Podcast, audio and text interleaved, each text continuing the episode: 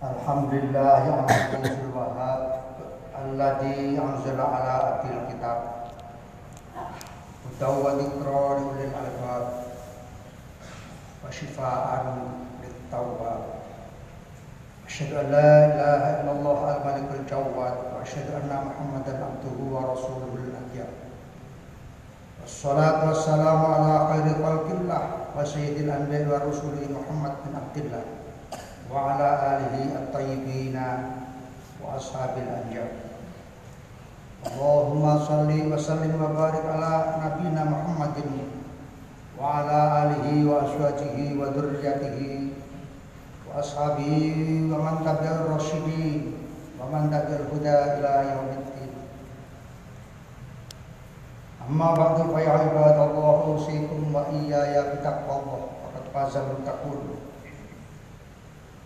Ya ayyuhalladzina amanu taqullaha haqqa tuqatih wa la tamutunna illa wa antum muslimun. Ittaqullaha mastata'tum la'allakum turhamun. Wallahu ta'ala binnatil azizil karim. A'udzu billahi minasyaitonir rajim. Bismillahirrahmanirrahim. In ta'uddu ni'matallahi la tuhsuha. Al-ayat. Hadirin jamaah Jumat umat Islam yang dimuliakan oleh Allah Subhanahu wa taala. Alhamdulillah pada kesempatan siang hari ini kita masih diberi kesempatan oleh Allah. Kesempatan yang berharga untuk senantiasa saling mengingatkan terutama diri saya dan kepada jamaah sekalian untuk tetap bersyukur pada Allah Subhanahu wa taala berusaha mendekat kepada Allah sedekat-dekatnya. Seraya mohon perlindungan dan pertolongan kepada Allah semata. Dengan jalan memperbanyak pujian kepada Allah Alhamdulillah beralamin bertasbih mensucikan Allah. Dan sekaligus beristighfar mohon ampun kepada Allah. Agar kehidupan kita senantiasa mendapatkan tunjuk cahaya kebenaran, cahaya kehidupan yang lebih baik dengan prinsip perbuatan yang rohiyah martiyah yang direlakan oleh Allah dan kita pun rela menjalannya. Amin ya rabbal. Jamaah sekalian yang berbahagia rahmatullah. Marilah pada kesempatan yang sangat berharga ini kita jadikan sebagai momentum event muhasabah. Kita coba melihat kedirian kita dalam konteks hidup secara individual maupun secara sosial, apalagi dalam konteks bernegara. Dengan mengingat-ingat, menghayati serta mengkaji kandungan Al-Quran yang sangat kita sakralkan, kita hormati. Terutama kaitannya dengan berita-berita Al-Quran yang di dalamnya tentang kisah-kisah para nabi dan bagaimana secara sosial yang melingkupinya. Suatu peristiwa sejarah yang tidak bisa kita lupakan. Skenario yang demikian luar biasa. Tentu dengan harapan memperoleh pelajaran edukasi yang sangat berharga di dalamnya. Bagaimana mereka bergulat di dalam pertarungan antara keimanan dan pertarungan keingkaran-keingkaran mereka terhadap dakwah yang disampaikan para nabi Jamaah sekalian berbahagia. Sangat layak kita bertanya-tanya kenapa kaum terdahulu itu sulit untuk menyatakan iman kepada Allah, bersyukur kepada Allah. Bahkan mereka ditakdirkan disiksa dan adab oleh Allah. Dari tentu kita berpikir apa yang menyebabkan demikian. Yang paling penting adalah bagaimana kita bisa mengambil pelajaran dari kisah-kisah itu. Hanya orang-orang yang memiliki kecerdasan spiritual dan pikiran yang bisa mengambil pelajaran yang secara objektif. Ternyata setelah saya coba untuk menelaah apa yang ada di dalam kisah-kisah itu ada beberapa hal yang memang layak untuk kita jadikan bahan kajian. Yang pertama, mereka mengingkari nikmat Allah. Mereka memusuhi Nabi Allah, utusan yang dipercaya untuk menyampaikan dakwah. Menolak kebenaran,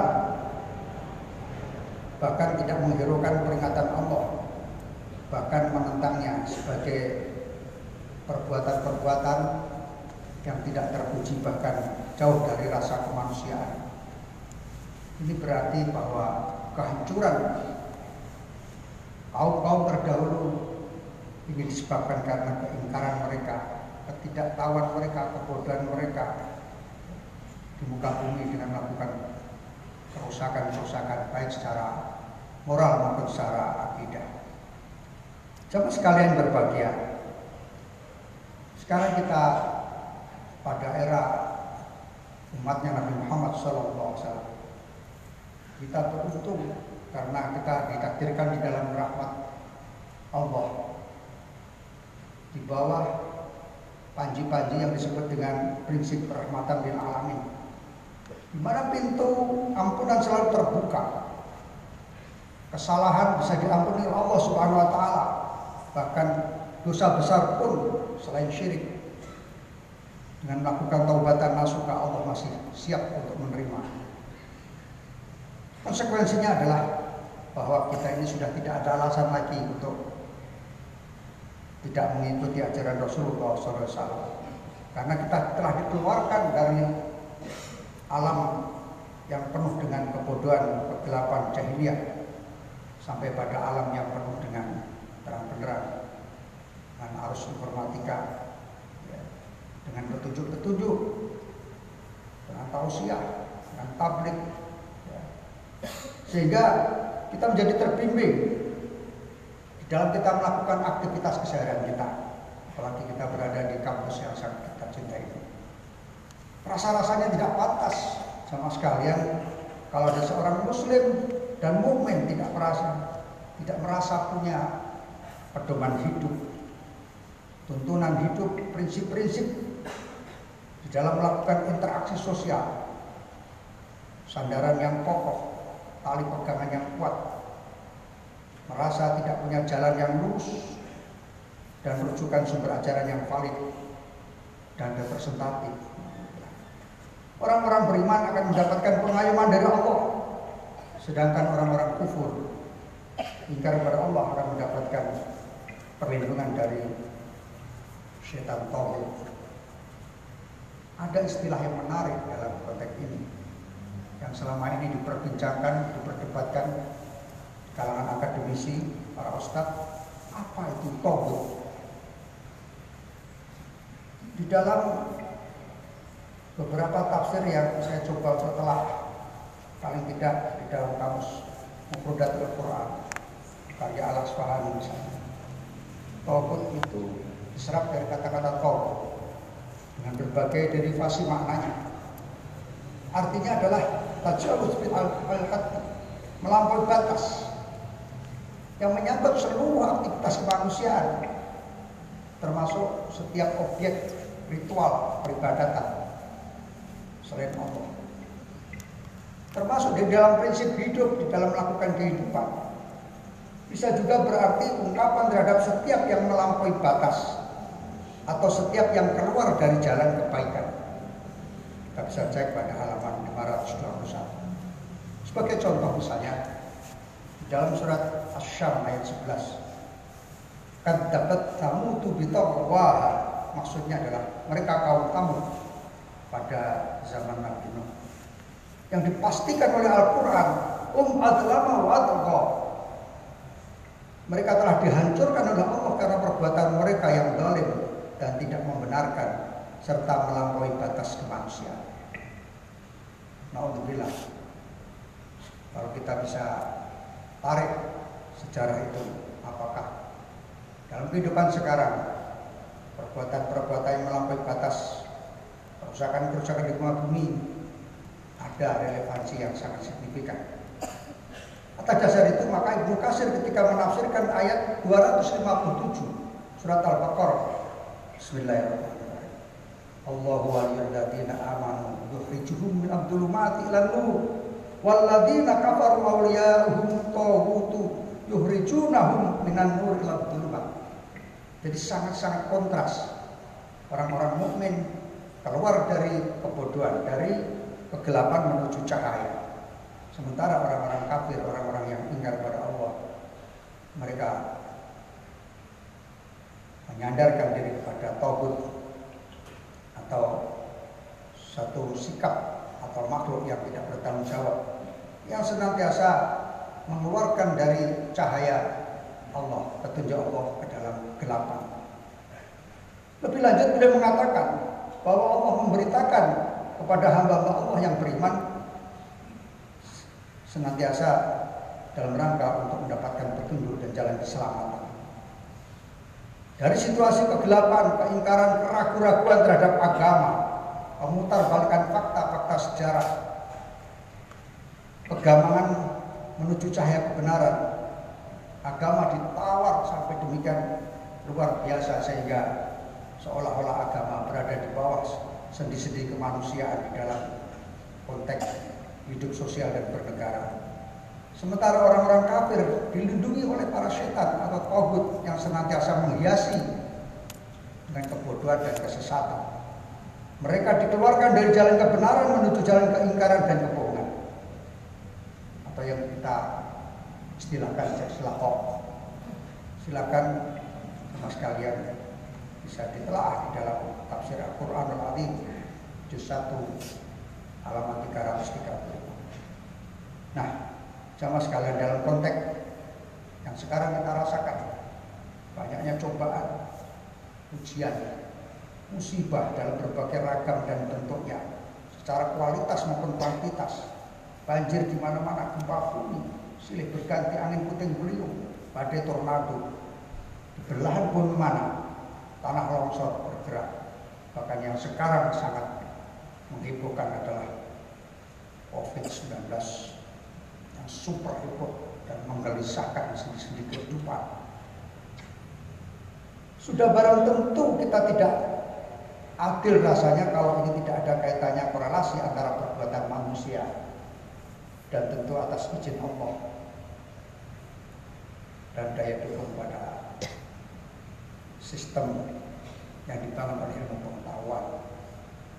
Bisa jadi Allah melihat cara berpikir kita, sikap kita, dan cara pandang kita terhadap kehidupan dunia ini. Sekarang alhamdulillah orang mau berjabat tangan aja sudah mikir. Orang mau beli sesuatu, menyentuh sesuatu ragu. Mau mengucapkan salam, mikir lagi, ragu lagi, insya Allah. Lalu keterbatasan manusia inilah membuat kekaruan. Kita berharap mudah-mudahan dalam kesempatan yang sangat ini umat Islam tetap dalam kewaspadaan tetap menjaga kesehatan karena dengan hadirnya COVID-19 ini bisa memporak-porandakan sistem sosial, sistem ekonomi, bahkan politik. Bukan hanya politik lokal nasional, tapi juga politik global. Mau bilang kita ini. Mudah-mudahan Allah segera menuntaskan dan ikut campur di dalam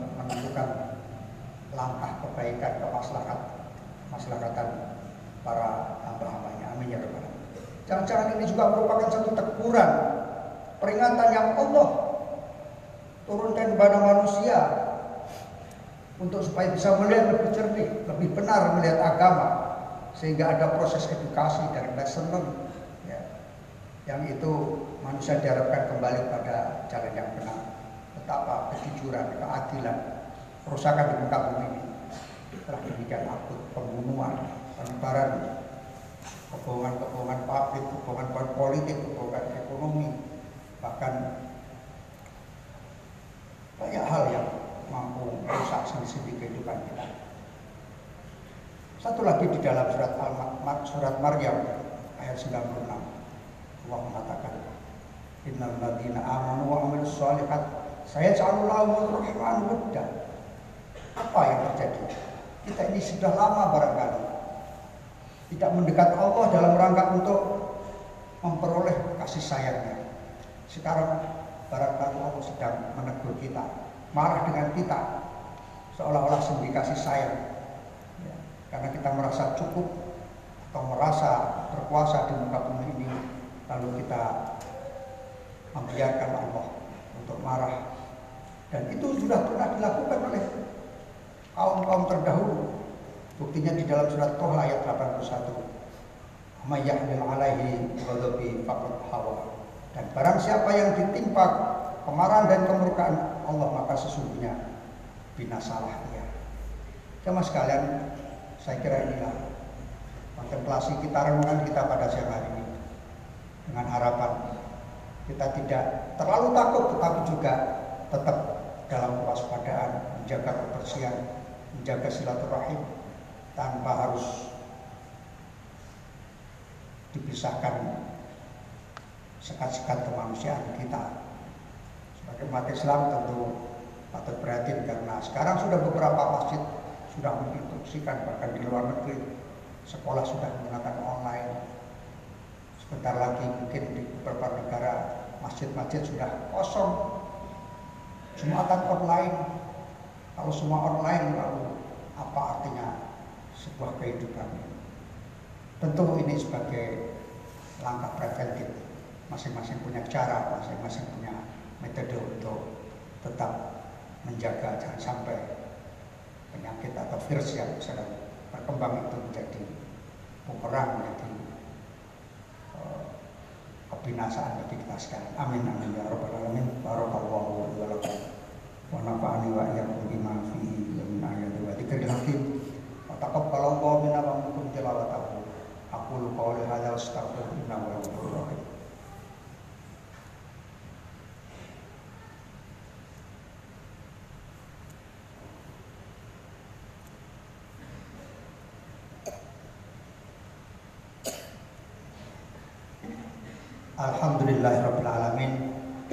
Wa bihi nasta'inu ala umuri dunya wa din. Wassalatu wassalamu ala asrofil anbiya'i wal mursalin sayyidina Muhammadin wa ala alihi wa sahbihi ajma'in.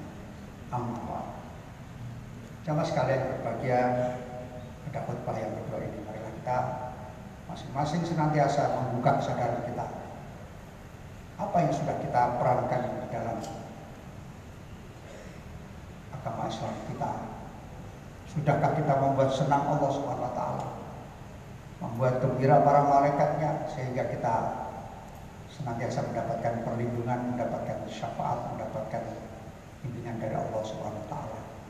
Untuk itu pada kesempatan yang baik ini mari kita berdoa, bermunajat mudah-mudahan Allah menjauhkan dari segala penyakit wabil khusus virus corona yang menjadi momok bagi kehidupan ini. Amin amin ya rabbal alamin. Allahumma qul lil mu'minina wal mu'minat wal muslimina wal muslimat al ahya'i minhum wal amwat innaka sami'un qaribun mujib da'wat wa ya qadil hajat wa ya qadil muhimmat innaka ala kulli syai'in qadir. Allahumma na'udzubika min jahdil bala wa tarkis saqa wa su'il qada wa samatatil a'da innaka ala kulli syai'in qadir. Rabbana la tu'akhidna in nasina aw akhtana. Rabbana wa la tahmil alaina isran kama hamalta 'ala alladziina min qablina. Rabbana wa la tuhammilna ma la taqata lana. Wa'fu 'anna lana warhamna. Anta maulana fansurna 'alal kafirin. Fansurna 'alal qaumil zalimin. Fansurna 'alal qaumil jahilin. Fansurna 'alal qaumil fasiqin. Fansurna 'alal qaumil fasiqin wal jahilin wal mufsidin wal mu'tadin innaka ala kulli syai'in qadir. Allahumma aina ala dzikrika wa syukrika wa husni ibadatika ya Allah. Allahumma taqabbal minna ya Allah. Salatana wa sujudana wa ruku'ana wa ibadatana wa almana innaka ala kulli syai'in alim. Wa ma kana Allah bidhallamin abdi Rabbana atina min ladunka rahmah وهيئ لنا من أمرنا رشدا اللهم اغفر لنا ذنوبنا ولوالدينا وارحمهما كما ربياني صغيرا ربنا آتنا في الدنيا حسنة وفي الآخرة حسنة وقنا عذاب النار صلى الله على محمد وعلى آله وصحبه وسلم سبحانك رب العزة عما يصفون وسلام على المرسلين والحمد لله رب